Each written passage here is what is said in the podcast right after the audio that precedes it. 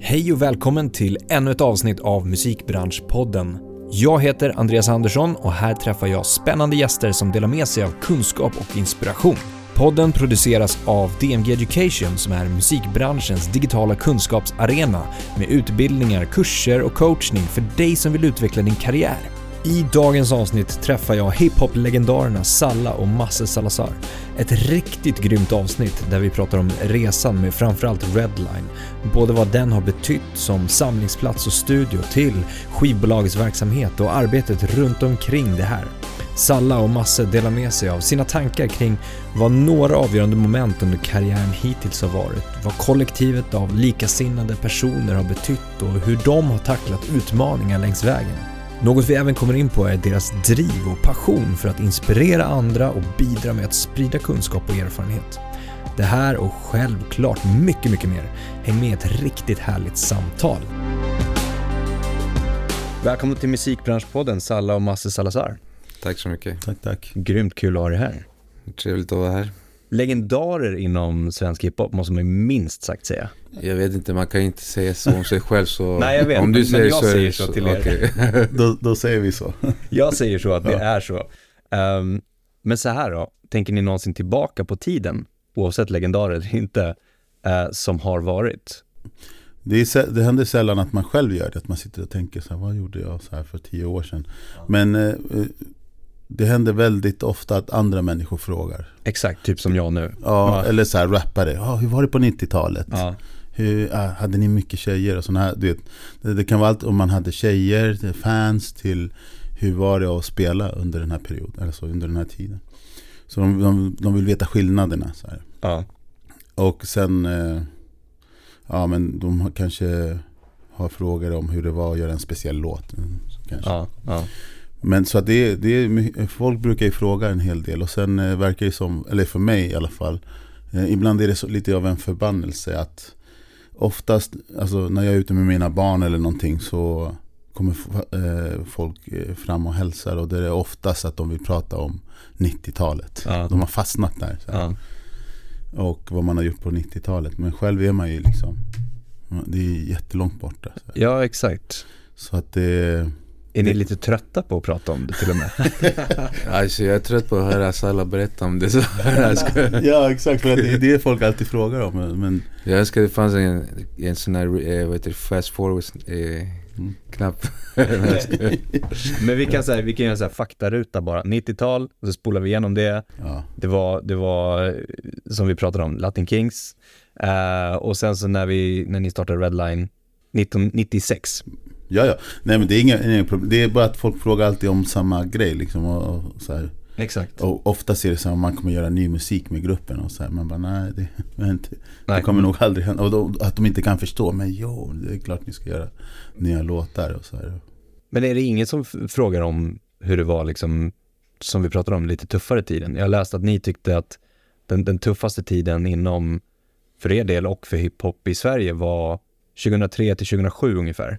Ja exakt, Ja. 2003, det var, det var där, vad heter det, skivbranschen kraschade typ. Ja. Mm. När det här med Napster och allt det där med nedladdningar, olagliga nedladdningar. Och sen kom ju Spotify, eller först var det YouTube och sen Spotify-tiden. Exakt. Så där, däremellan var det lite mörka tider för svensk eh, hiphop, svensk rap eller svensk musik överhuvudtaget kanske. Ja exakt, och speciellt för, för svensk hiphop för att eh, man hade det redan jobbigt. Alltså, eh, även i, förut när man sålde skivor och sånt. Så eh, vi hade det problemet att eh, på 90-talet att eh, det kanske folk inte förstår idag så här, för att det är så långt ifrån. Men de som håller på med musik idag eh, kanske har svårt att förstå att på den tiden var det väldigt svårt att, bli, att få skivkontrakt till exempel Mm. som hiphopgrupp. För att de flesta som jobbade på skivbolagen då inte lyssnade själva på hiphop eller R&B eller dancehall eller reggae eller afrobeat. Det är allt som folk idag lyssnar på. Så att eh, de lyssnade mest på pop och rock. Och då tyckte de flesta att musik, eller att eh, hiphop inte var musik. Så De hade den inställningen. Så eh, det var svårt att, att få skivkontrakt. Sen var det på svenska var det också så här någon slags en grej som man inte gjorde. Om man rappade skulle man köra på engelska på den tiden. Så eh, det var väldigt svårt. Vi, vi tänkte tvärtom lite. Vi började, började ju med att spela live väldigt mycket. Och då körde vi på spanska och engelska. Och då när vi hade några låtar som var på svenska så fattade vi, okej okay, nu fick vi igång publiken ordentligt. De gillar det här. Så då satsade vi på det istället. Och rappa om oss själva. Eh, eh vårt liv liksom i förorten. Vi tänkte inte så här jättemycket medvetet på det. Men vi kände ju att det var någonting som fattades. Så att vi tänkte, ja men bättre att sticka ut och vara speciell. Liksom, köra på svenska och köra om sitt liv, förorten. Och så testade vi det och det, det gick hem. Det var bara sen att de som jobbar på skivbolagen och radio och media, de hade ju inte hört något liknande innan. Så de kunde inte jämföra det. Och, och, och vad det, veta i, i förväg om det här var bra eller dåligt. Nej. Så det var ju så här att folk eh, inte visste riktigt utan det var någon slags test. Och vi hade turen att han som signade oss, jag tror det var Sanji Tandan och Mattias Wachtmeister, att han testade tydligen eh, en låt som vi hade släppt eh, och spelade upp det för sin personal på kontoret. Och de tyckte att det var hemskt det de hörde. Eh, samtidigt visste han att, vi, att ungdomar gillade den, just den låten. Så då valde han att chansa på det för att han tyckte att det var så extrema reaktioner. Liksom. Mm. Så, och så gick det som det gick. Liksom. Mm. Och det visar ju också att skivbolagsmänniskor inte alltid vet. Liksom. Inte alltid har rätt? Nej, att, uh, ibland har de svårt att se framtiden. För mm. har man en musiksmak så kanske man blir lite blind för, eller speciellt de människorna som inte uh, jobbar på det sättet och jobbar med att göra framsteg och hitta det nya. Mm. Utan oftast vill ju uh, de köra på säkra kort. Mm. Kommer det någon ung person som sjunger jättebra och låter som någonting som redan finns. Då känner de, okej, okay, vi kommer också tjäna pengar på det här. Mm. Och jag snackade ganska mycket om det på den tidigare, just mm. det här med A&R-verksamhet och just att ha en, en säkerhet innan man satsar på ett projekt, en artist eller vad det nu skulle kunna vara, en låt till och med. Mm. Eh, att man behöver backa upp den med någonting som, ja men, att det kommer funka eller att ja. det är populärt redan nu. Um, jag tänker, vi kommer in på det här lite längre mm. fram också, men, men eh, om vi börjar bara så här med, med med musiken, vad, vilka personer skulle ni säga, eller person, har haft störst inverkan på er karriär och ert musikskapande? Eller, eller för oss, eller för mig vet jag att det var Gordon Cyrus. Det var han som hjälpte oss att spela in första skivan.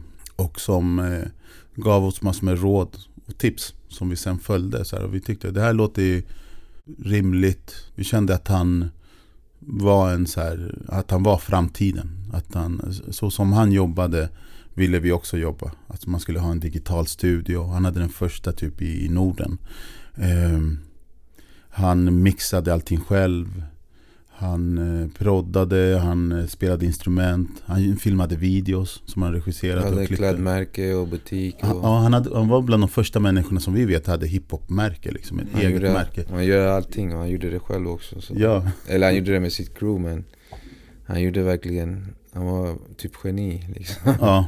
Så ni tog, vad, vad, vad, gav han för tips då? Eller som ni sa, vad... han, han sa ganska mycket så att, de, att man skulle egentligen jobba hårt ja. och ville man eh, tjäna pengar på det här med musiken, speciellt då på 90-talet, då skulle man göra det mesta själv. Så mm. att då istället för att ge, man får en budget så här, och sen ska man dela upp det på massor med andra människor, så kan man ju ta de pengarna själv. Eftersom det, om man ska sitta och göra så här eh, manus för videon och hela den grejen, då kan man ju gå hela vägen. Att man, om man vill ha det på ett speciellt sätt och på ett nytt sätt som inte andra förstår, då, då, är det kanske, då måste man kanske göra det själv ibland. Mm. Och så var det mycket för oss, att allt från bilder, omslag och sånt var vi, stod vi bakom. För, alltså det var vi själva som tog bilderna och visste hur, hur, hur det skulle se ut. Hela estetiken som sen andra också tog till sig. Med att ha tunnelbana och höghus i förorterna med parabolantenner. Det fanns ju inte innan, innan vi gjorde det. Liksom. För, att göra, det... för att göra det själv också så är det viktigt att, att man behöver lära sig grejerna också. Och det, mm. det var ju också en av grejerna som han... Så att man måste lära sig så mycket som möjligt om allting. Som eh, liksom rör det, det man vill jobba med liksom. Allt från att göra videos till eh, filmkameror och eh, typ syntar som man använde för att göra musik. Läsa manualer liksom. För på den tiden finns det, fanns det inga YouTube-tutorials. Som Exakt. Man var tvungen att, och liksom eh, läsa engelska manualer med liksom ord som man inte fattar liksom. Mm. Ja, för Men- vi snackade om det innan, att du Ja. satt och gjorde det ganska mycket när du Ja. var tonåring. Ja, då måste man tänka på att på den här tiden kunde man inte googla. Nej, precis. Kolla på var YouTube hur man gör, eller sånt som man gör fysisk idag. manual som du satt med då. Ja, nej men jag minns att de, eh, när de fick sitt för, första förskott så fick, köpte de en sån här en sampler, en synt-sampler Ja. med sequencer. Och eh, då använde de en Atari, en gammal Atari för att eh, köra som sequencer och eh, sampla med själva den här samplen. Och då var man tvungen att lära sig hela skitet och det var jävligt komplicerat. Alltså, jag tror jag gick i högstadiet då. Ja. Men jag tog igenom mig hela manualen i alla fall och lärde mig det jag fattade och sen liksom började alla pusselbitar hamna på plats och sen kom ju, vad heter det, Gordon förbi också och visade lite och hur allting funkade och det, det hjälpte väldigt mycket liksom. Mm. Så att det behövs alltid en sån person liksom som eh, Ja men som eh, inspirerar en- och liksom gör så att man liksom tänker framåt och Ja, men det är det som är viktigt för oss. eh, Och, och det är därför vi själva har workshops som vi har egentligen varje år. Eh, Eh, och det är för att vi, vi kommer egentligen från hiphopkulturen och där, där man har det här eh, ja, mästare lärling grejen liksom. Att blir man duktig på någonting så delar man med sig och lär andra människor, alltså inom graffitin, inom allting lär man andra människor som är nyfikna. För att det finns ju ingen, eh, förut har det inte funnits någonstans att gå och lära, där man kan lära sig de här sakerna. Och sen är det ju också ganska fritt inom de här, att till exempel inom konstdelen så är det, det är inte så att det finns regler. Nej, du får bara måla med akvarell eller det ena och det andra. Utan man får ju blanda fritt och göra hur man vill. Och så är det också inom hiphopmusiken egentligen. Det kommer ju alltid folk som hävdar att det här är äkta hiphop, det här är inte det och så. Men de människorna som, som är sådana kritiker är ofta sådana som inte själva eh, producerar Nej. kulturen eller som gör den. Utan de, de är mer tyckare. Men, men där är det viktigt så här att alltså, eftersom man kommer därifrån så är det viktigt för oss att eh, lära unga vad vi kan. Mm. Och varför det är viktigt? Jo, för i sin tur skapar man ju den här scenen. Genom att det finns fler som kan Mm. samma sak som vi kan. Mm. Man utbildar folk och man lär dem och sen tar de sina egna vägar och utvecklar det, det de har lärt sig. Mm. Och så är det en tävling helt plötsligt. Man tävlar i, i, i någonting som är positivt och, och kreativt. Men nu är det, nu är det liksom, det är enklare än någonsin att lära sig grejer via YouTube och sånt. Ja, precis. Men det krävs ändå att någon eh, liksom sparkar en i arslet och liksom eh, leder den. För att eh, det finns så mycket information där ute att det är svårt att liksom att, och eh, veta vad, som, vad man ska ge sig in på liksom. Ja. Men är det, är det han som har haft störst inverkan skulle jag säga helt och hållet? För det är också massa. Ja, typ han och min eh, musiklärare i gymnasiet. Mm. Tror jag. Ja. Ja, det finns egentligen många människor, alltså flera personer. Det är, för mig personligen, det är han, men sen också var det Cheppe kanske, vår storebror som Mm. fick mig en så, så här, eh, tycka att hiphopkulturen var någonting för mig, eller så här, musiken, hiphopmusiken. Innan gillade jag att måla, men jag målade mest med olja och sånt och ville bli konstnär, men jag tänkte inte så mycket mer på hiphopkulturen och att musiken, att det var ing- någonting som fanns liksom. Utan det kom senare. Och eh, så det, det är nog vår storebror så- eller för mig. Sen är det självklart mina föräldrar, speciellt min mamma som är så här, också som har möjliggjort hela grejen. Mm. Så att det, det är de personerna i den, den eh, ordningen. Eh, Cheppe först för att han fick mig in på det här med musiken och hiphopen, Ja. graffitin och allt det här.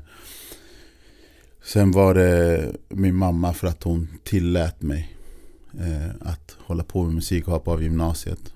Och sen eh, någonstans där var det Gordon. Mm. För att han visade oss hur vi skulle klara oss sen. Hur man skulle tänka och någon slags, han gav oss någon slags facit eller, så här, eller vad ska man säga så här, eh, vägledning som vi använder än idag. Liksom. Mm, mm. Vi snackade om det precis innan här med, med liksom årtal och faktaruta, men, men vill man ha det, det går ju att googla sig som vi är inne på just nu. Här, årtal, om Ja. man vill, vill få det, vad ni har gjort för någonting, vilka artister sådana saker. Vi kommer säkert in på några av dem, men eh, det går ju lätt att ta reda på på egen hand. Men eh, jag, jag läste en intervju som ni eh, gjorde för ganska länge sedan, där ehm, ja, men ni nämnde att era roller är liksom uppdelade. Och vi kom in på det här precis innan också. Um, att du måste sa att Salla är mer av liksom den businesspersonen uh, och uh, du helst är i studion. Har det alltid varit den uppdelningen?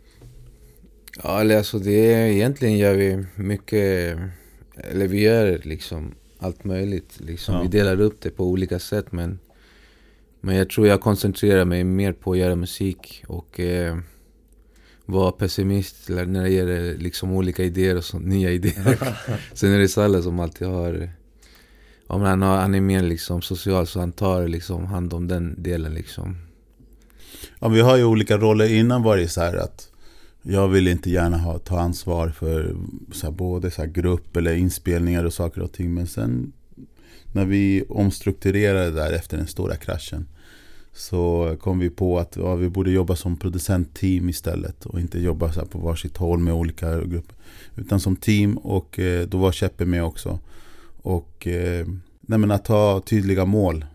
Då, då sa vi, ja men då får du, eh, då sa Cheppe, tror jag, och massa, då får du gå på möten och snacka och göra de här grejerna som vi innan har använt andra människor. Så här. Mm.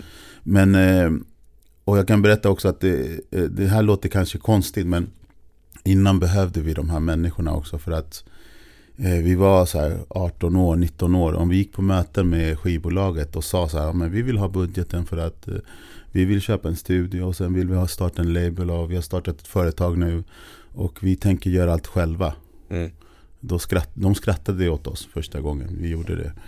Och vi märkte, okej, okay, för vi är från förorten och alla de här grejerna, de har jättemycket fördomar. Eh, och vi är jätteunga så vi måste nog hitta på någonting. Och då bad vi vår goda vän Anders Engström, som då var så chef för EMI, förlaget. Eh, vi pratade med honom och han brukade få så här, eh, en viss procent eller andel. Så här, men han följde med oss på möten. Och mm. då såg det ut som att det var han som, som hade hand om oss. Rappade liksom er på ja. något sätt? Ah, okay. Exakt, så att det var han som, och, och de pratade ju inte med oss, liksom, de pratade med honom. Så här. Som, Men har, har du liksom då, så, som mer tog det, den delen sen då, mm. det är naturligt eller iakttagit hur han då gjorde eller? Nej men vi, grejen var att vi pratade med honom innan. Ja. Vi kom överens vad vi ville få ut av mötet och allting. Och så Måste vi... bara tillägga att ni kallar honom för eh, eran Tom Hagen. Ja, vår Tom Hagen var Vi tackade alltid honom på skivorna. Anders Tom Hagen var han. Vår, vår rådgivare. Vi frågade, ja. går det att göra så här? Kan man få till det så här? Ja. Han bara, ja men det går. Så. Han var väldigt så här, positiv och, och så här, trevlig person och väldigt omtyckt så här, av alla människor som jobbade i så här, skivbolagsbranschen. Så han var verkligen rätt person. Han var riktigt Tom Hagen och smart och så där. Så vi, kollade igenom alla avtal och sånt. Ja, han hjälpte oss med avtalen, kolla avtalen och allt det här och, och få dem så som vi ville ha dem. Mm. Eh, vilket hjälpte oss än idag liksom. Ja. Att vi gjorde rätt beslut då. Så här, så att... Och det var som en liten läro, liksom resa på något sätt, att, ja. att, att, få hjälp med det. Exakt, vi ville ju ha det på ett visst sätt, men vi visste inte hur vi skulle göra det. Så han hjälpte oss och hur man skulle få ner det på papper och hur, vad man skulle tänka på. Ja. Så vi hade möte med honom och så förberedde vi oss och sen gick vi på det andra mötet. Mm. Så, mm. Men till slut kunde vi allt det där. Vi, vi märkte ju att det, det mesta kommer ju från oss. Och sen kan man ju ha olika människor och en jurist och sådana så vidare. Som kollar våra kontrakt. Så, sen blev det liksom att man fick eh, göra det själv. Mm. Och sen tänkte vi så här, om de inte lyssnar på oss nu när man är äldre så här, så då skiter vi i det. Då, då jobbar vi inte med de människorna, det är deras förlust. Och, och sen körde vi på bara. Mm. Så efter den här svackan när vi bestämde oss för att eh, göra en, någon slags comeback. Det var egentligen Masses förtjänst för att han eh, hade jobbat med massor med bra grupper. Muhammed Ali, han höll på att jobba med alla möjliga, med stor och allt. Eh, alltså det var massor med musik som släpptes eh, gratis på nätet. Mm. För att ingen ville ge ut det. Så då pratade vi med Universal, för vi såg ju också det här med streamingen, att det började hända någonting. Att eh, vi, eh, de, många av artisterna hade jättemycket views på, på YouTube. Mer än de artister som man såg överallt i media till exempel. Så vi tyckte att det var lite orimligt att de inte de hade skivkontrakt och de andra hade det. Eh, så att det, vi pratade med Universal och då tackade de nej. Sen eh, efter det började vi jobba med ett eget projekt, producentprojekt där vi bland annat skulle ha med Mando Diao och lite andra eh, så, eh, ja, men sångare och eh, rockband och sånt, popgrupper och sånt tänkte vi. Vi skulle göra något helt annorlunda för att visa att vi kunde det också. Men eh, där på vägen så fastnade vi med Mando Diao. Sen, eh, helt plötsligt producerade vi deras nya skiva. Som sen blev, jag tror att det blev deras största framgång.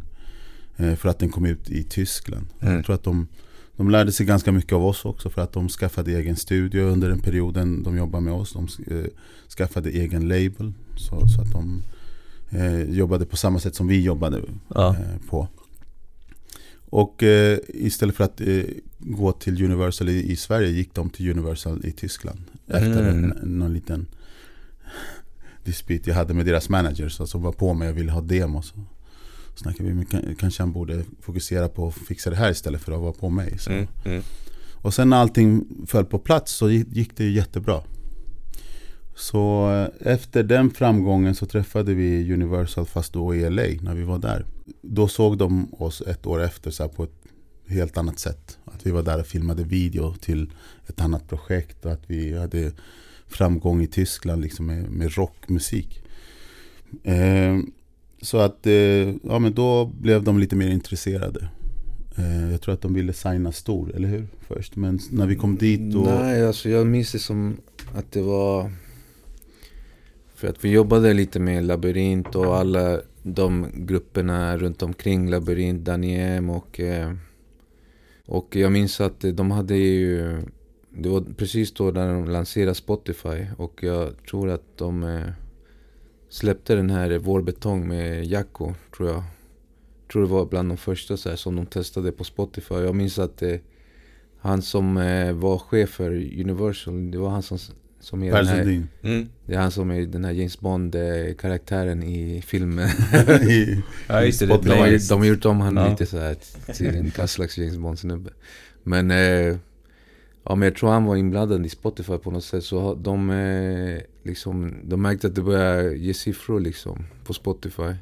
Det här var ju liksom alldeles i början men det var ju många som övergick från eh, Youtube där de liksom spelade Labyrinten ganska mycket och så började de eh, liksom spelas mycket på Spotify.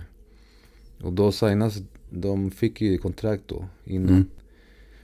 Och de jobbade väl med oss liksom och de eh, kanske, Johan där på Universal märkte väl att vi hade liksom bra koll på alla som vi jobbade med och eh, det är väl lättare att signa ett label än att ta, liksom signa enskild rappare så då kände de, eh, ja men vi gör ett samarbete och ni tar, tar fram liksom produkterna och eh, hjälper till med marknadsföring och då liksom satte vi igång den här rebooten av Redline 2.0. Mm. Ja, så det blev som en fabrik då. Ja, exakt. All den talang som vi hade jobbat med innan. Innan fick komma ut helt plötsligt. Och, men jag kommer ihåg att när vi skulle träffa Per Sundin med, och med Johan Lindqvist så trodde de egentligen att vi skulle prata om stor skiva. Men eh, då hade vi liksom ett annat upplägg och när vi ändå hade Per Sundin där då tog vi fram det här idén med att ja, men vi vill eh, starta Redline igen. Mm. Och eh, det ska inte heta Records utan Recordings den här gången för att Eh, vi tänker inte ge ut CDs eller vinyler eller någonting utan det kommer, det kommer bara vara streaming den här gången. Och eh, att vi hade en idé liksom att vi ville ha olika artister som fanns där runt omkring. Och att eh, vi ville ha alla under eh, vår label. Men eh, så att de tyckte det var intressant. De blev jättepeppade. Och så körde vi på. Sen eh, gjorde vi också vissa förändringar också. För att eh, vi behövde också eh, jobba med andra producenter. Vi kunde inte prodda allt. Och då kom vi på att eh, alla skulle få så ganska bra producentkontrakt men också att de skulle få pengar för varje produktion. Så här, som man inte fick innan. Man jobbade ganska mycket så här gratis typ och eh, fick STIM. Mm. Det var det man kunde se fram emot. Så att var, vi ändrade på de där, där grejerna också så att man skulle få folk att så här, vara peppade på att jobba men också... Det som var skillnaden att proddarna förut fick någon slags förskott liksom. Mm. Och nu var det att de fick en fast liksom, summa plus en procent som inte var... Den här summan var inte en förskott. Liksom. Det var för jobbet de gjorde liksom. För mm. att producera. Och det var liksom ganska ovanligt förut att man fick en sån där inom svensk rap eller vad man ska kalla det.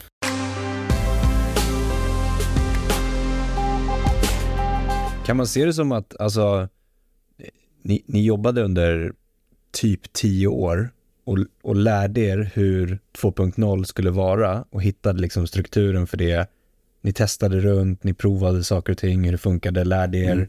kom in i en tuff period som vi pratade om, eh, och, men på något sätt tog er igenom den och sen startade upp 2.0 med mer struktur, med mer liksom någon slags tydlig riktning, eller? Alltså vi hade ju Egentligen var det någon slags, alltså både slump och, liksom, och eh, lite planerat för vi jobba, vi hade ändå ganska mycket material inarbetat med alla de här nya rappare och som vi jobbade med. Mm. Och det var väl egentligen typ som ett kollektiv. Det var liksom den samlingen med talanger som vi hade på den tiden gjorde att vi kunde liksom eh, köra Redline 2.0. Det, det, var inte bara jag och Salla, det var liksom alla artisterna som var inblandade. Mm. För att de, eh, det fanns ju så en positiv vibe att alla skulle hjälpa varandra då. Och eh, och att de skulle liksom tävla mot varandra och vara bäst liksom, på allt möjligt. Liksom. Och allt ifrån videoidéer till eh, låtar, låtidéer. Så att det var en eh, liksom, eh, bra vibe som vi kom in på där på den tiden. Med Redline så...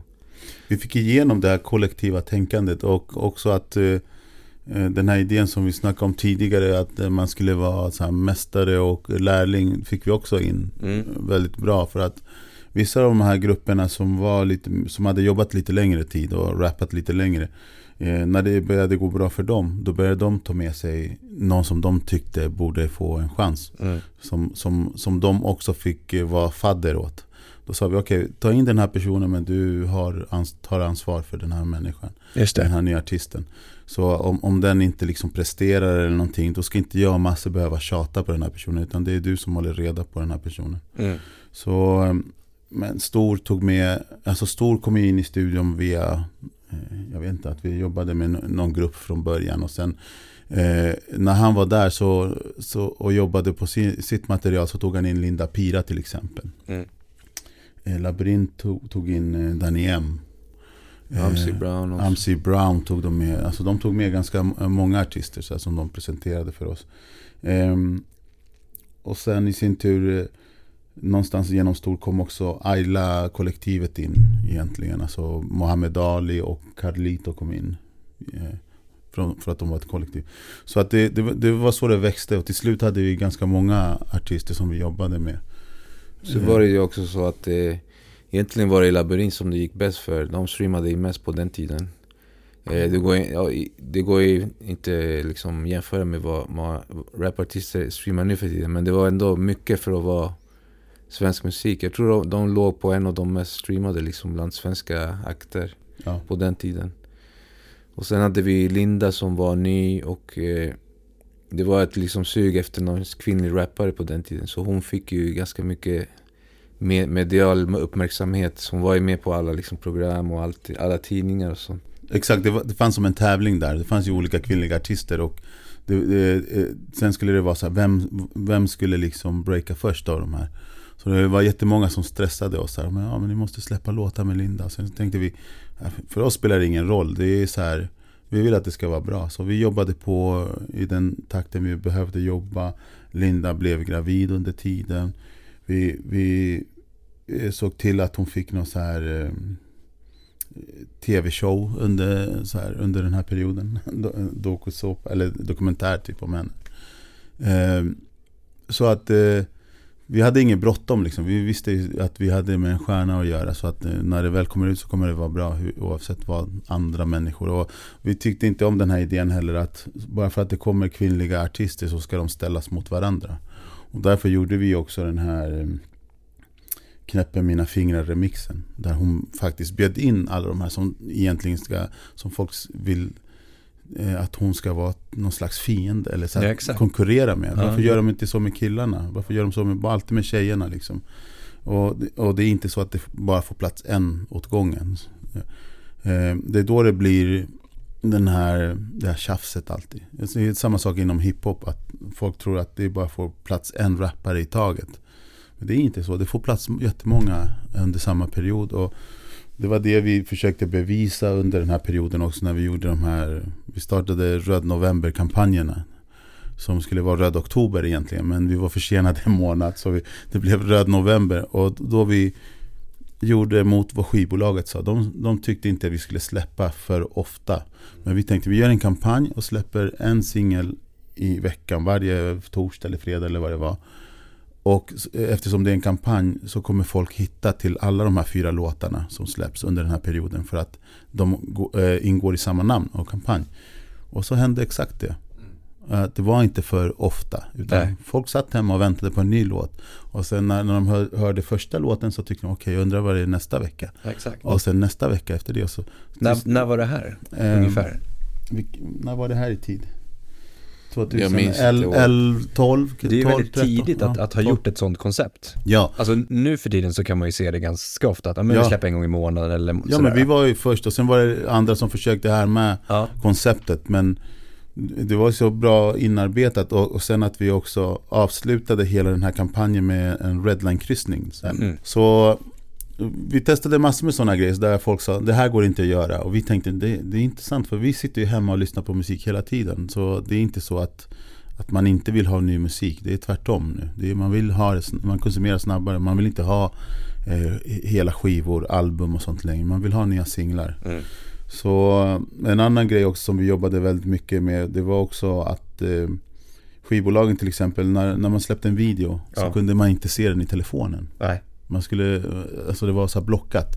Och då frågade vi varför gör ni så för? Och då sa de nej för vi vill att de ska se den liksom, Att de ska spela låten på Spotify. Ja men då kom vi på istället att då Många av de singlarna vi gjorde Hade en B-sida eller vad man ska säga, ett eh, extra spår. Så vi, vi tog bort den här spärren på alla våra videos men sen la vi ut länkarna på, eh, på Youtube till eh, låten eh, på, på Spotify. Och eh, marknadsförde att vi hade ett extra spår. Mm. Men den kan man inte höra på YouTube utan man måste gå in på Spotify för att lyssna på den. Och att vi också gav instrumentalerna alltid. Mm. Så folk, folk, eh, de som ville kunde liksom få instrumentalerna när man eh, streamade på Spotify. Så att man gav folk mycket där. Så att det var vårt sätt att försöka locka folk dit till Spotify. Ja, det låter som ni har gett väldigt mycket och även testat på väldigt mycket. Ja. Uh, istället för att gå liksom by the books eller så här, så här ska man göra för att släppa ja. musik eller låt. Utan alltså, vänt på det helt och hållet som du säger. Exakt, men det är för att vi har kollat ja. på konsumenten. Hur ja, vill exakt. de ha det? Precis. Och vi vill de ha det, det ska vara lättillgängligt, det ska vara snabbt, de vill ha nya grejer hela tiden. Lalala. Alla de här, det, det, ska vara humor, de vill ha, det är massor med grejer som de vill ha. Ja. De men det var ju också en tid av liksom allt var nytt med Spotify och då testade man liksom mm. olika strategier. Mm. Och vi försökte tillämpa det här som man gör med singlar, som Salla sa, att man gör en B-sida. Mm. Och det funkade då, då det inte kom ut så mycket musik. Men nu när det kommer ut, bombas ut med musik varje, varje dag så ja. funkar inte riktigt med B-sidor. Man måste liksom fokusera på huvud, liksom huvudspåret som är singeln. Liksom. Ja, nu är det annorlunda, för nu mm. behöver man inte få över folk till Spotify när alla redan har det. Mm. Nej, exakt. Nej, men det blir man ju andra inte göra det utmaningar och test ja. man får göra. Men jag tänkte det ni sa, det här med tävling också. Det är ju en, eh, speciellt internt med liksom alla, alla artisterna som ni hade hos er, producenterna och artisterna, att, att den tävlingen är ju sund ja. på något sätt för att ni, de ser varandra. Det finns ju en annan tävlingsaspekt i att, ja men säg att en en enskild artist bara tittar på andra artister som de inte har kontakt med och bara mm. tittar på streaming och views och likes och liksom hela den biten och försöker tävla. Jaja. Den kan ju bli ganska osund. Ja. Mm. Men, men, men ert sätt i det här är ju ett, ett peppande tävlingssätt liksom, på något Nej men det var mest, alltså det här var mest som ett, alltså som jag sa förut, det var typ som ett kollektiv och ja. det var det, alltså det här tävlandet kom ju organiskt. Det var inte så att man planerade att, okay, det, att vi satte liksom så här regler eller något. Det var ju bara något som vi råkade liksom eh, hända. Mm. Det var ju också den perioden där jag tror så alla hade ett barn och jag hade inga barn. Så jag, vi var ju bara i studion hela tiden. Då, och då har man ju tid liksom att experimentera och göra olika grejer och liksom bara göra liksom eh, eh, skapa något nytt som inte har funnits förut. Och då gjorde vi det med liksom alla de här grupperna. Mm. Och, det var en speciell tid också då man inte då, då vi liksom eh, ville veta bakgrunden. Vi ville veta siffrorna. Hur många streamar de här grejerna. Mm. Vad är det för, vilken, vilket ålder är de i? Så här, och är det mest tjejer eller är det mest killar? Hur gamla är de här människorna? Och då, då gissade vi ganska mycket. För vi såg ju ungdomarna. Vi eh, var ute mycket. Vi hade studion vid en skola. Så då såg vi vad, vad som spelades i, eller vi hörde vad som spelades i ungdomsgården direkt. Liksom. Vi fick ju eh, reaktioner direkt på allt vi gjorde. Eh, men vi såg ju inte de här siffrorna. Och sen när man kun, väl kunde se dem eh, då fick vi inte dem av, av skivbolaget. De ville inte dela med sig infot. Så, eh, men idag finns det andra sätt. Så det är det som är viktigt för oss. Att man inte eh, behöver chansa lika mycket. som På den tiden var det lite mer att man att man hade mycket att bevisa. Så mm. att man, man jobbade lite blind. Man trodde på en sak och såg det Eh, för att det kom mycket publik, alltså de hade mycket, mycket folk som kom på spelningar och sånt. Mm. Ja, man såg ju inte siffrorna på Spotify ja. på den tiden. Man såg ingenting. Man såg, det enda man kunde mäta sig med det var om videon hade mycket YouTube-spelningar då, då fattar man okej okay, den här går nog bra på Spotify också. För ja. YouTube, på YouTube har den mycket liksom. Ja, sen hade vi vår kanal också, eh, Redline-kanalen på YouTube som innan det fanns Instagram och det här så använde vi den ganska mycket som Instagram. Alltså att vi la upp korta klipp på artisterna som var roliga och sen som man redigerade. Eh, och eh, ljud, eh, man ljudlade om allting för att det skulle vara så underhållande. Så att innan det ens fanns det här att, att man skulle vara influencer och, så här, och hålla på med, med Insta så höll vi redan på, vi fattade att folk gillade det.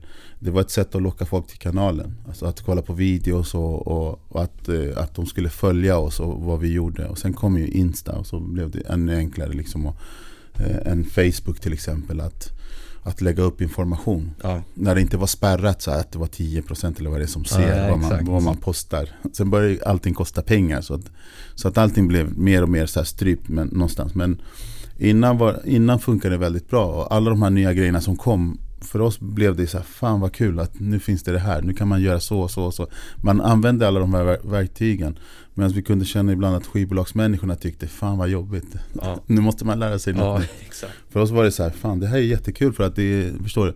Idag kan man höra på vissa möten hur, hur jobbigt många tycker att TikTok är. Ja. Ja, men hur? Men det är, det är så man gör idag. Det är ännu ett verktyg liksom. Ja, för, att, för att sprida musiken. Ja. Jag minns att jag, jag gjorde, jag hade en kamera, en sån här DSLR-kamera. Eh, och eh, varje gång det kom någon till studion och spelade in så filmade jag lite och, och frågade om lite frågor. Och sen blev det så att eh, det blev, jag klippte ihop det och så gjorde jag typ så här en eh, tio minuters avsnitt Eh, jag vet inte, några gånger om året som hette Vad händer på Redline? Och då var det att folk, det blev någon slags tidig content eh, på den tiden liksom. Innan, innan Instagram och sånt, sånt fanns. Så folk uppskattade det ganska mycket. Så här, för då fick de inblick i hur vi jobbade i studion så här, med olika artister, hur vi spelade in och vad som var på gång, vad som skulle komma och så. så att, har du kvar det materialet? De finns ute på YouTube faktiskt. Det finns fortfarande. Det finns de här korta klippen om du inte har tagit bort dem. Så här, där han till exempel filmade stor och så testade ja. han någon specialeffekt när han förvandlades till demon eller någonting. Så här, jättekorta klipp på olika saker som, som man, folk, alltså jag kommer ihåg att på den tiden innan eh, Stor hade fått ut eh, någon riktig så skiva så var, hade han ju jättemycket spelningar och folk kände ju till honom i alla förorter och sådär som vi kom till och, och spelade, alla, alla ungdomsgårdar och allting. var han ju liksom en kändis. Ja. Och det var via så här, de, de grejerna vi hade då var ju Youtube-kanalen där de hade sett honom vara rolig och så här. De flesta hade ju en bild om att han var en skitskön snubbe liksom. För att de hade sett honom. Och sen blev det ju också det här att många artister och folk så här, jättegärna ville komma till vår studio för de tyckte att det verkade som att vi hade så kul där. Ja. Att det var kul att jobba i den studion. Och det var ju, under den här perioden var det verkligen det.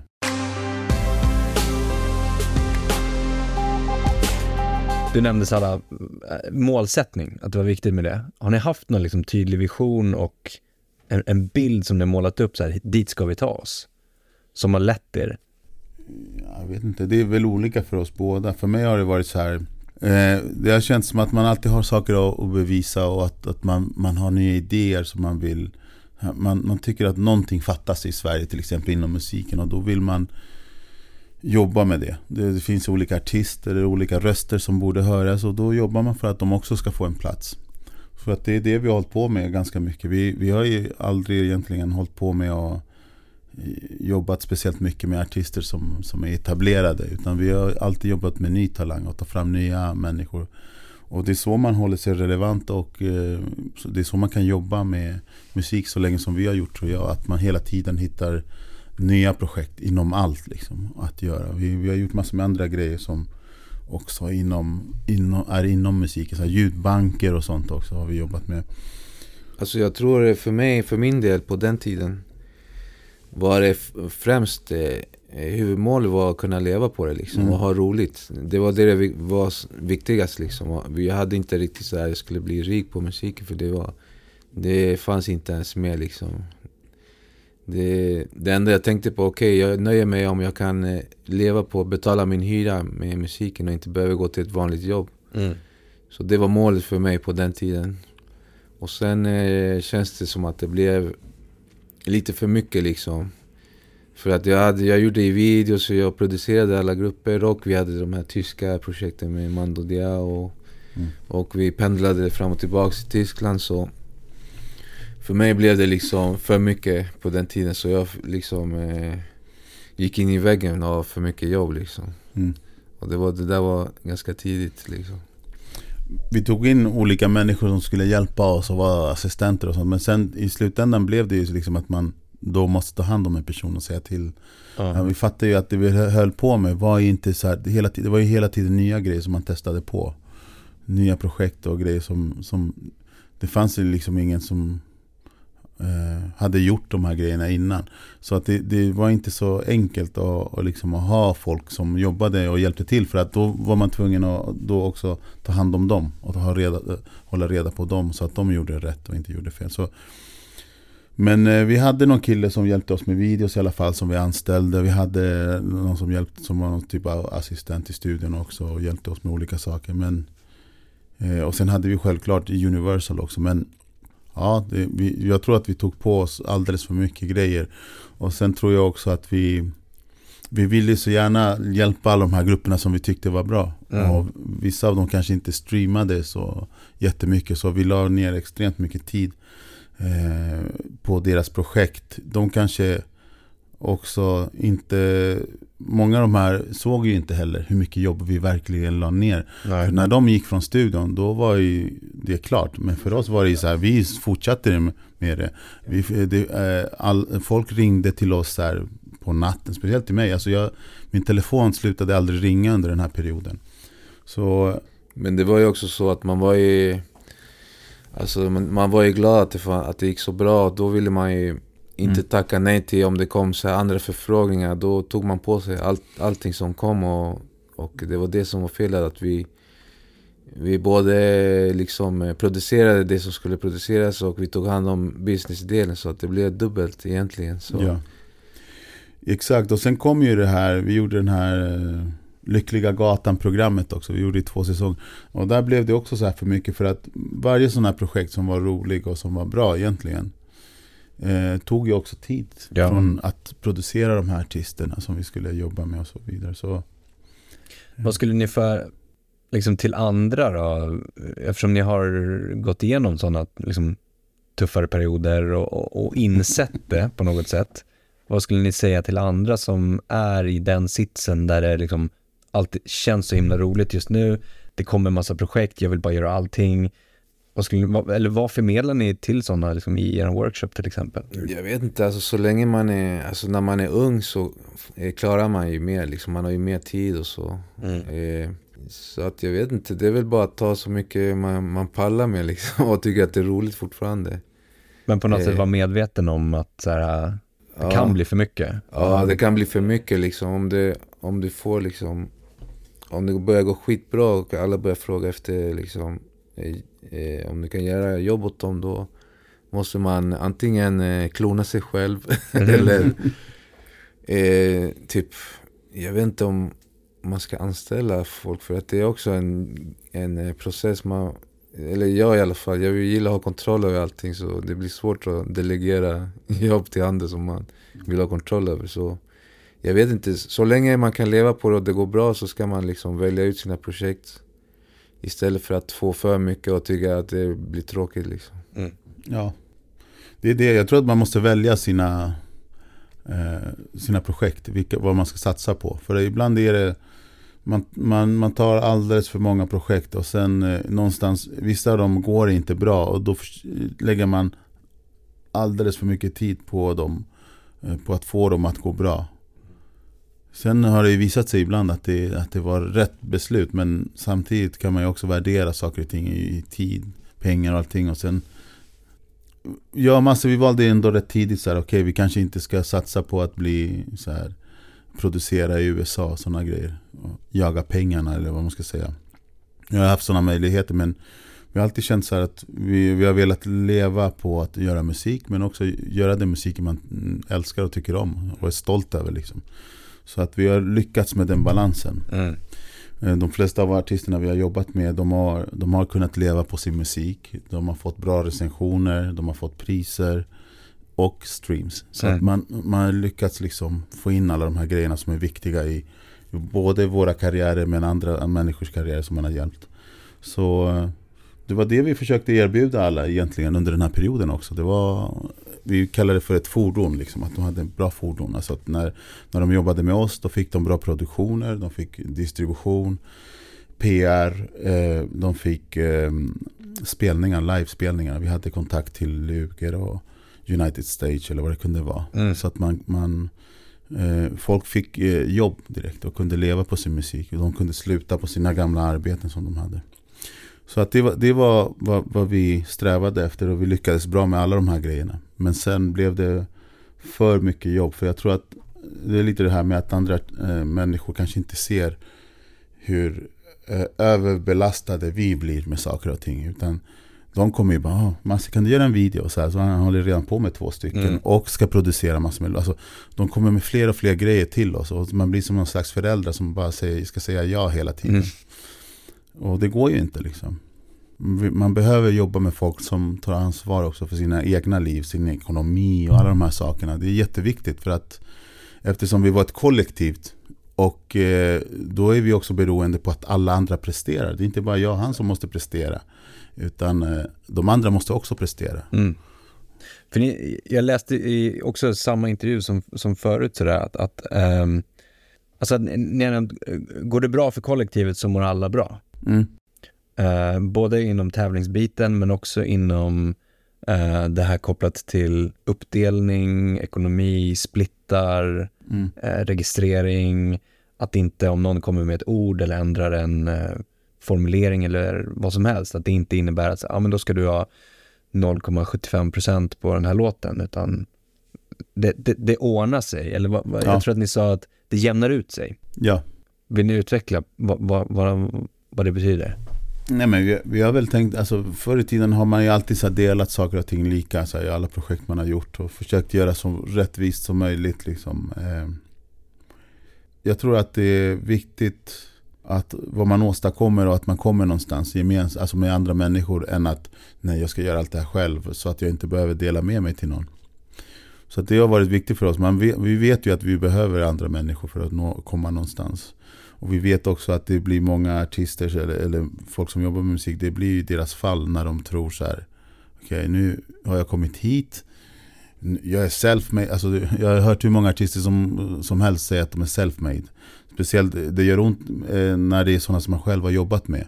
Eh, när man vet hur mycket grejer man har löst åt dem, hur mycket saker man har gjort för dem, hur mycket tid man har lagt ner, pengar, saker som man kanske inte ens har varit värt det. Så att man, man, eh, och sen går de ut och säger att de har gjort allt det här själva. Mm.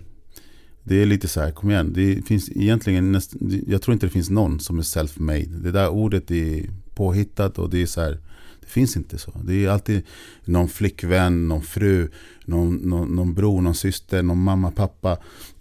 Det finns massor med människor, barn, eh, som, som eh, förlora tid med människor och det finns alltid någonting som sätts på spel när man vinner stort. Mm. När man är framgångsrik. Det finns ju aldrig, man kan inte nå eh, stor framgång utan att det har ett pris. Det finns alltid en prislapp för det. är en relation, det är relationen till ens barn och så vidare. Och så vidare.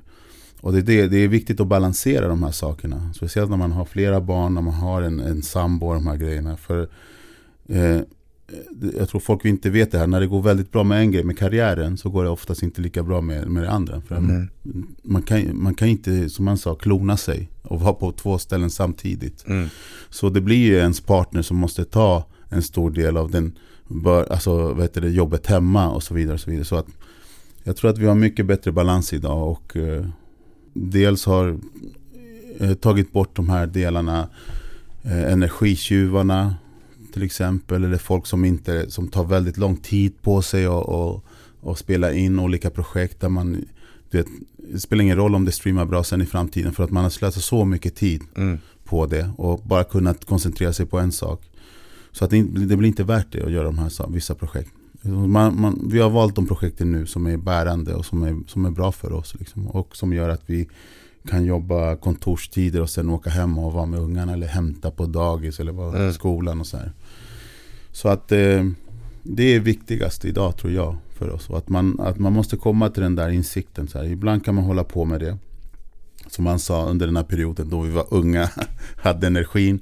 Men också inte, jag hade barn och jag hade barn varannan vecka. Så det, det gjorde ju att varannan vecka kunde jag vara med min dotter, gå på bio och göra alla de här grejerna man ska göra. När man när inte har barn, då jobbar man dygnet runt. Liksom. Då är man tillgänglig hela tiden. Så, men eh, den perioden är förbi, så nu är det verkligen så att man måste ha en jättebra struktur, schema och sen jobba jättehårt. Mm. Men det här med att dela med sig, det är ju väldigt sunt tycker jag. Alltså mm. att, att, att, inte vara girig i liksom, splittfördelning till exempel. Och, och det mm. sänder ju också ett, ett liksom, budskap till kollektivet på något sätt. Att, att om en, nej men det är lugnt, det är klart jag liksom bidrar med det här om det är liksom ett, förslag på ett mm. bit eller en, en, textrad eller vad som helst. Mm. Det stärker ju kollektivet, ja. sådana utbyten på något sätt. Mm. Att, och, men det kräver ju att någon, antingen att det sätts en sån, ett ramverk att det är okej, okay, eller att någon börjar med det på något sätt. Och, ja, men, det är så här vi gör. Um, jag tror fler skulle inspirera, eller kunna gynnas av det och skapa mer um, kreativ glädje tillsammans med andra. Mm. Än att säga, nej men jag, jag ska skriva det här själv, jag ska göra det här själv. Ja. Mm. Som, som, som ni nämnde också, att, att, att egentligen en av anledningarna till att Redline startade var att ni ville släppa musik med artister som annars inte får en chans. Vi var inne på det lite grann, men vi var också inne på att många av de artisterna, eller i princip alla, har på något sätt etablerat en karriär i musikbranschen och kunnat liksom livnära sig och dra in pengar på det. Hur, hur, hur har liksom processen sett ut från att ni har börjat arbeta släppa musik till att bli etablerad liksom inom citationstecken. Det betyder ju olika för olika personer och individuellt såklart, som vi snackade om. Men ungefär, går det, går det att rita upp några så nyckel, nycklar som har varit viktiga i, i liksom arbetet med artisterna som ni har gjort? Eh, för mig, jag, jag har inte ens tänkt på några nycklar. Jag har tänkt mest att, som jag sa, som jag sa innan, att man tänker liksom att man jobbar med sådana som eh, för, först och främst liksom att man jobbar med sådana som man eh, har grejer gemensamt med, som man kan umgås med. Inte bara som artister utan som kompisar och eh, som man verkligen tycker har talang och som man liksom ser att själv att de har en framtid och att man inte bara att man att man vägleder varandra liksom. För att eh, de artisterna som vi har jobbat med, de har ju det är inte liksom vi som har hjälpt dem utan vi har hjälpt varandra framåt liksom. Så att jag vet inte, har, vet du några nycklar? Nej, jag tänker mer på allting som... När jag har tänkt på vad det är som har gjort att vi har lyckats, speciellt i de här perioderna som när det går extra bra. Mm.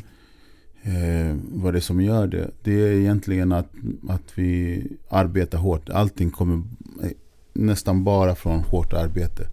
Och, och det är det folk inte ser när man är så här eh, bakom kulisserna och jobbar hårt. För att eh, speciellt idag så med, med, sociala medier och sånt så är det så här att varenda litet möte folk går på eller så här grejer de blir inbjudna på. Då måste de ta bilder och filma sig själva. Och framställa sig som väldigt så här framgångsrika. Nu är jag bjuden till det här, nu är jag bjuden till det här. Men samtidigt i deras flöde ser man bara grejer de går på. Men man ser inte vad de gör. Så att man kan ju välja att vara en sån person som, som framställer sig som framgångsrik genom att gå på grejer eller göra små saker hela tiden. Eller så kan man lägga sin tid på att skita i sociala medier tills man har någonting bra att berätta. Vad gör man nu? Det här projektet har tagit mig tre år. Då kanske inte folk vill följa med varje dag så och se det här projektet. Liksom, och hur man gör olika saker. Och man, man, man ska inte hålla alltså, eh, Jag tror att det, det handlar lite om det också. Att eh, Hårt arbete eh, och sen är det som jag brukar säga till många att eh, man ska se sig som en fiskare. Mm. Man ska fiska hela tiden. Om man inte fiskar då får man ju självklart ingenting. Så om sitter man hemma för att tycker oj, jag är världens bästa artist och ingen kan se det. Nej, för att du inte fiskar. Du är, du är inte där ute och fångar möjligheterna.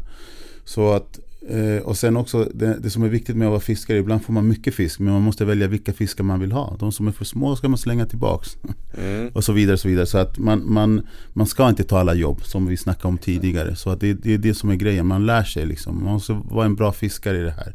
Skicka mails. Eh, jag brukar säga det, jag, jag tror det var med Stor någon gång i tiden. Han ville ha sponsorer och sånt. Då snackade vi, man måste fiska. Mm. Sa jag till honom. Mm. Och då satt vi tillsammans och skrev ett mail som man skickade ut till olika människor. Jag letade efter adresser att skicka till. Och sen gick det några dagar och så fick han napp. Och så var det någon som ville sponsra och betala för hans video. Och ge honom mobiltelefoner och så. Och, och jag tror att i, idag så är folk lite bortskämda. Så här, de vill ha allting så här. Att, ja, de, de, vill inte, de är inte villiga att och fiska utan de vill att någon annan ska fiska åt dem. Mm. Många är unga också så här, och, och bott hemma med sina föräldrar. De vet att mamma och pappa köper allt och fixar allt, köper kläder till dem och det, hela den här grejen. Så de, de, sen när de börjar jobba till exempel med oss, då tror de att vi är mamma och pappa. Mm. Att vi ska se till att de har alla de här grejerna. Så att det är jätteviktigt tror jag. Eh, jag tror att jag i början där sa att man inte ska framställa sig som eh, liksom, i sociala medier som att man gör grejer hela tiden. Jag tror det, det är speciellt viktigt just nu att man gör det liksom. Så jag håller inte med dig riktigt där. Ja. Jag tror att Nej men vi måste, håller sällan eh, med det, vad vi gör. Det, det här med content är viktigare än någonsin och det, det är typ därför vi är här just nu till exempel. Aha. Och, eh, men man måste se det par parallellt med, med hårt arbete liksom, skapandet liksom. Man måste vara liksom, tillgänglig hela tiden om man ska liksom eh, vara en artist eller producent, man måste ju kunna eh, liksom showcasea sina grejer hela tiden, annars finns man inte. Liksom. Ja, ja, nej, men det jag menar är mer så att det finns folk ibland som teasar saker och ting de håller på med och framställer som någonting och sen kommer det ju aldrig någonting. Så här. Och sen ibland när det kommer någonting så är det så, aha okej okay, var det här man väntade på? Det var inte så roligt. Och sen tappar man intresset för det och då följer man inte saker och ting. Utan det, jag tror att det är bättre liksom att och jobba i de perioderna man behöver jobba. Och eh, jag ser många artister som inte är i sociala medier. Och jag tycker det är så här eh, fräscht ibland. så här, Okej, okay, nu är den här personen aktiv och postar massor med grejer. Vad, vad kommer nu? Till exempel som ett bra exempel är Stor nu. Att man märker att han är lite mer aktiv. Mm. Syns lite i media och, så här, och är med i olika tv-program. Uppträder med massor med så här, peruanska dansare. Och gör, vet, bjuder på någonting speciellt. Ja, och självklart kommer det ju en skiva. Liksom det kommer en singel, det kommer saker.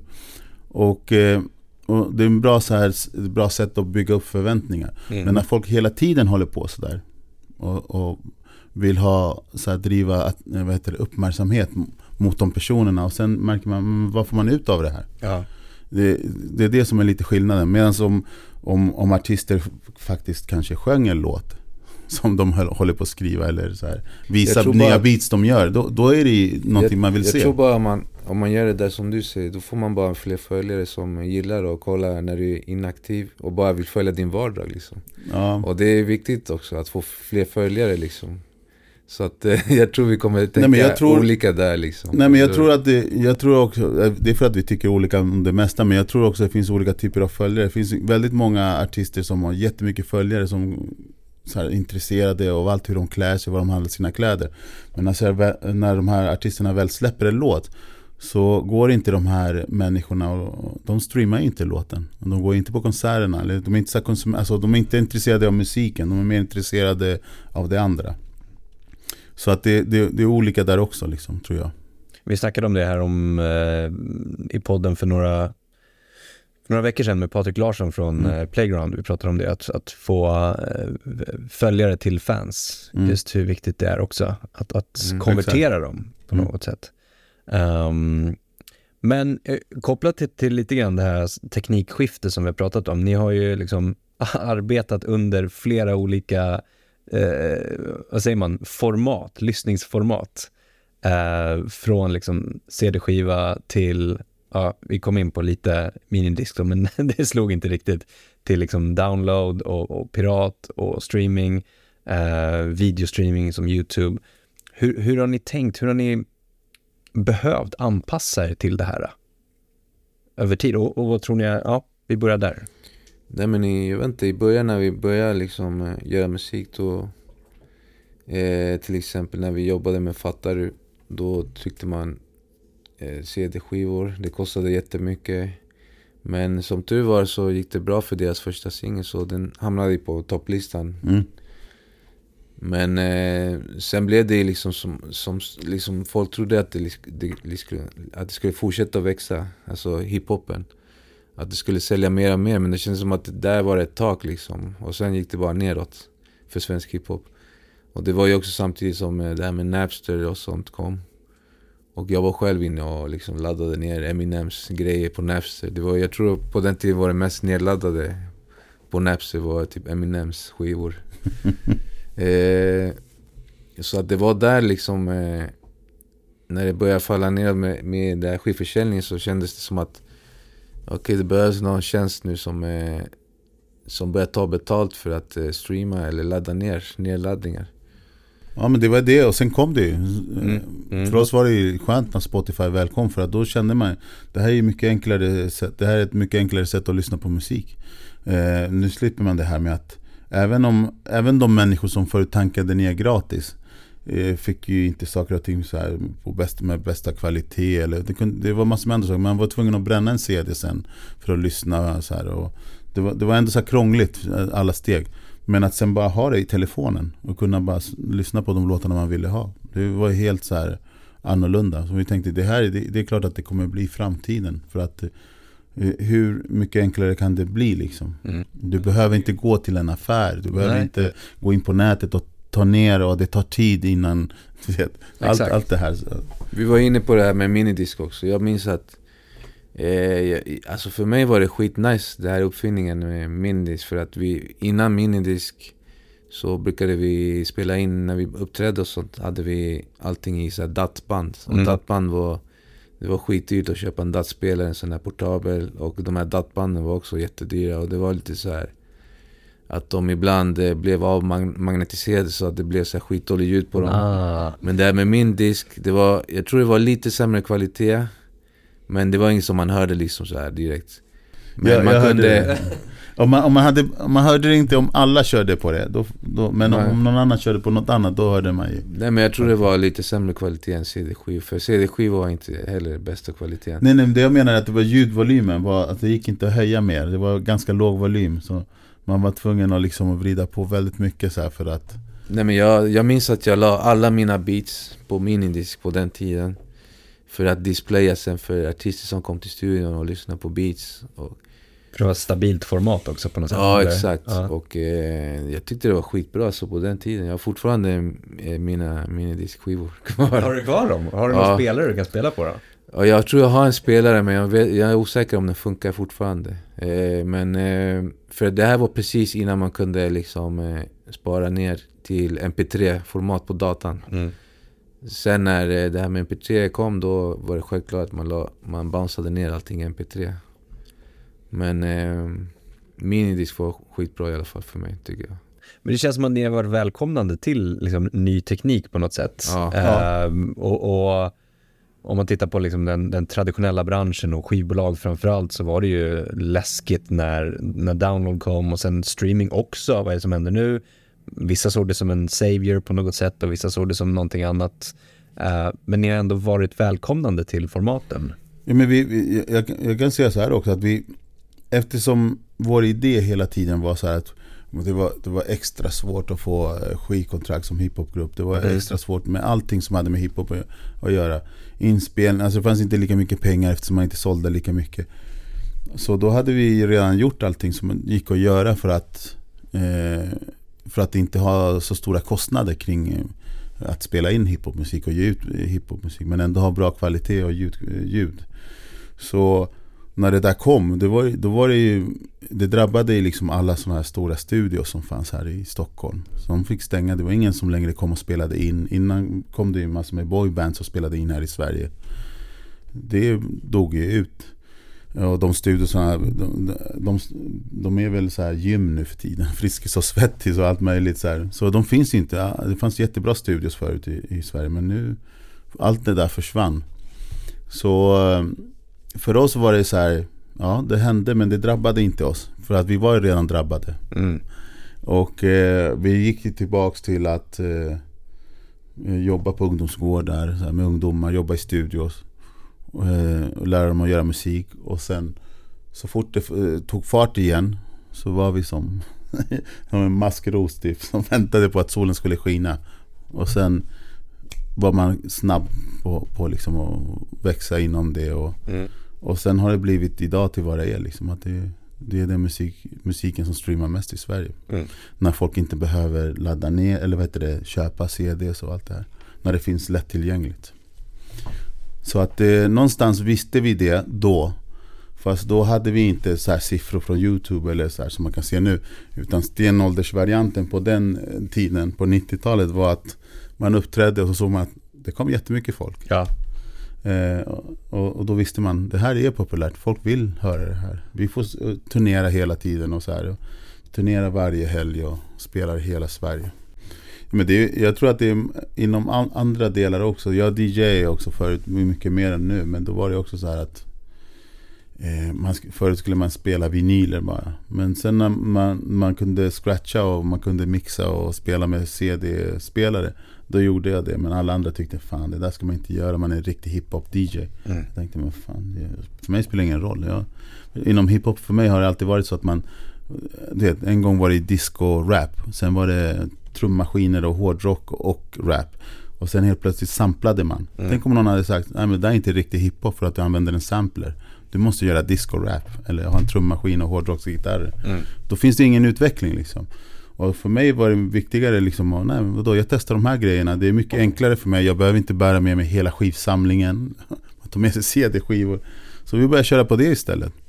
Och resultatet blir densamma, om inte bättre. Att man kan ta med sig ännu mer musik. Och sen eh, kort efter det då kom ju Serato. man kunde spela med Serato istället och ha allting i sin laptop. Så MP3 och liksom Förstår Hela skivsamlingen. Mm. Så att det är alla de här grejerna. Och då skulle folk också envisa. Ja, men då, kör, då, då tänkte jag, om man tycker det är skönt att köra med skivspelare med vinyler. Då kunde man göra det eller så kunde man köra via CDs. Till att idag finns det kontroller. En sån här kontroller som man har med sig. Så självklart har jag en kontroller idag om jag spelar.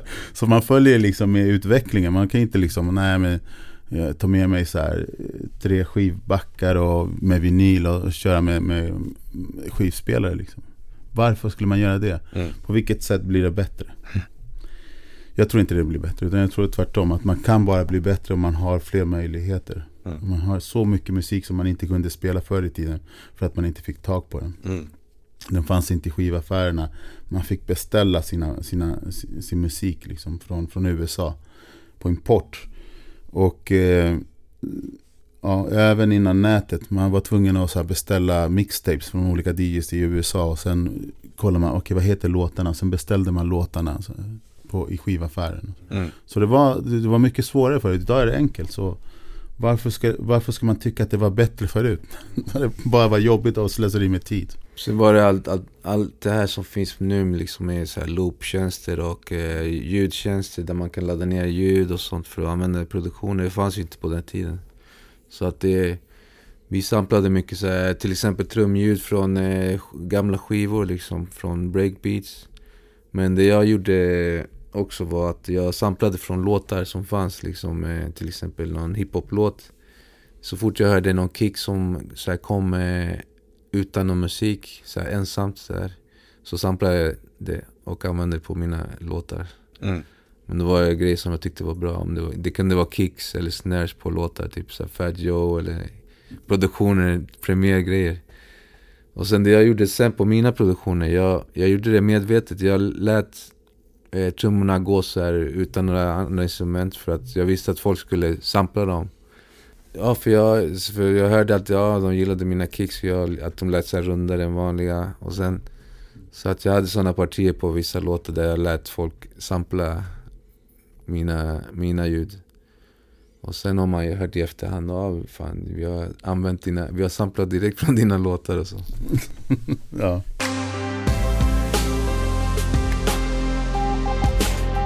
Vi måste ju gå in på Redline som fysisk plats också. Ni har ju nyligen flyttat studion. Ja. Eh, vad har den här platsen betytt och tror ni att ni kommer få Tror ni att ni kommer kunna föra med det här in till den nya platsen? Eh, ja. Nej men det, grejen var så här att vi, vi hade några projekt som vi ville göra och som vi har hållit på med i flera år. Och eh, ibland måste man förvandlas liksom. Man måste ömsa skinn. Och då måste man lämna det andra bakom sig, det gamla skinnet. Man kan inte släppa med sig det. Utan man måste in i en ny fas. Och för oss innebar den här nya fasen att vi gjorde oss av med all vikt vi hade i den gamla studion. Alltså stora lokaler. Vi, vi gjorde inte den här grejen längre, så här Redline-grejen som då. Alltså, eh, det fejdade ut liksom. Alla artister hittade egna hem och egna sätt att, att, att jobba och utvecklades till det. Så för oss är det ju bra liksom. Så att vi, vi var ju klara med den perioden. Och så måste vi in i vår nästa period. Och det ger tid till att, eh, att vi, vi kan hålla på med de projekten vi, vill, vi har velat göra men inte hann göra innan. Så att eh, nu är vi inne i det. Och då behöver vi den studion i, centralt på Söder in i stan så vi kan ha möten enkelt och folk hittar dit och låtskrivare hittar dit. Och, alltså vi hade, förut hade vi en studio där i Norsborg som var en eh, så här, eh, vad heter det, ett skyddsrum. skyddsrum. Och eh, vi hade liksom olika rum där när vi, typ, när vi hade vår redline-tid. Att vi, folk satt i, där och jobbade på de olika rummen och satt och skrev och så. Klippte videos i andra rum och allt, allt möjligt. Mm. Och sen hade vi en stor vinylsamling också.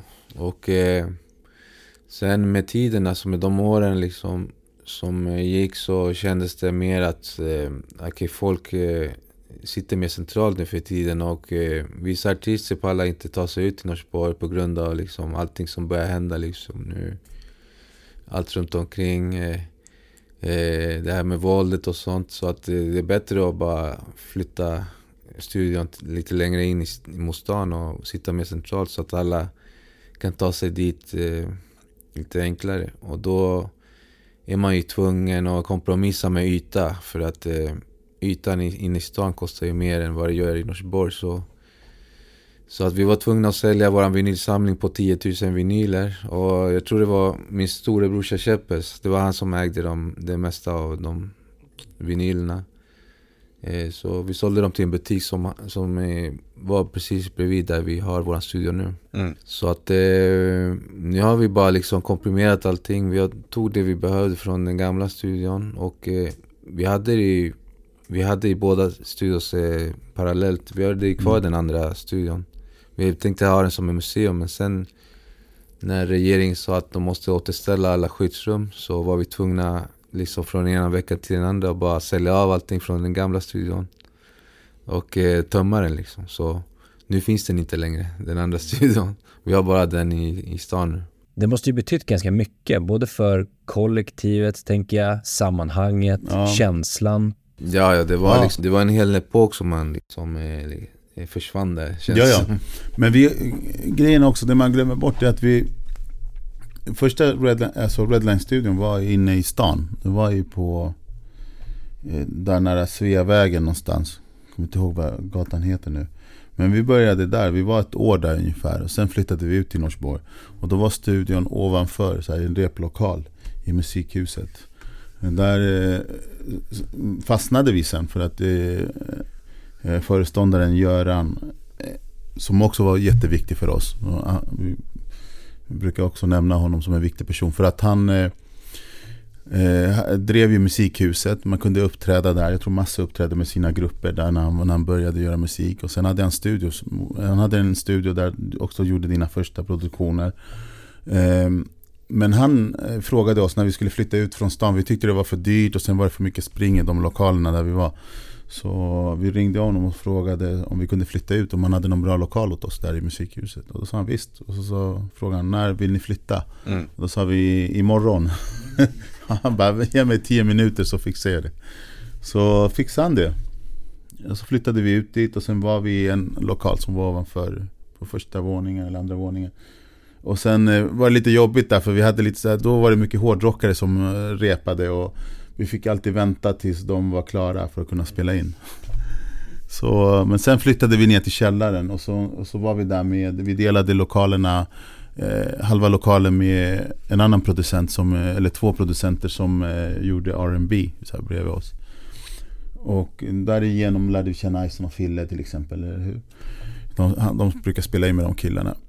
Och sen eh, de slutade liksom med, eller den ena killen slutade med musik och sen flyttade den andra killen ut. Och då tog vi hela lokalen. Så då hade vi de här två stora rummen. Ena gjorde vi till huvudstudion. Och sen andra halvan gjorde vi också till en mindre studio men också replokal och där vi hade alla skivor och sånt.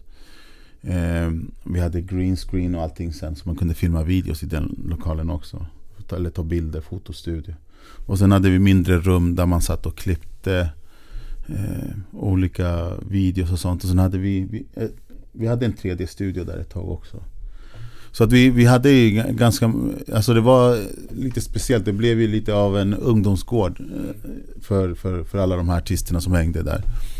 Eh, väldigt kreativt. Ibland slösade de väldigt mycket tid för de satt bara och snackade. Men för det mesta blev det väldigt bra musik. Liksom spontana låtar där folk gästade för att de råkade vara i studion. Så, så att det, det, det, var bra liksom för själva kreativiteten och allting, att, man, att det var så mycket folk. Ni vill ju som vi också pratade om innan föra vidare och inspirera andra. Eh, och det här gör ni ju just nu med någonting som kallas för hiphopbussen. Mm. Eh, berätta mer.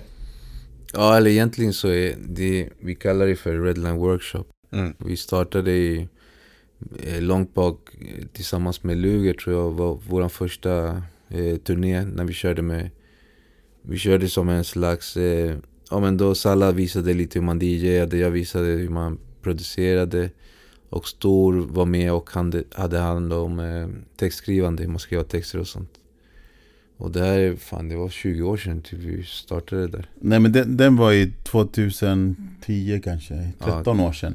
Okay, men men själva Redline Workshop, alltså själva att vi gör workshops, det har vi gjort sedan, sedan vi började. Vi har, vi har haft så i Albyskolan för ungdomar, att de kan komma och lära sig så här, eh, och, gö och göra allt, allt från scratcha till allt möjligt. Så här. Jag tror det första var väl det där Popkollo som du var med på eller?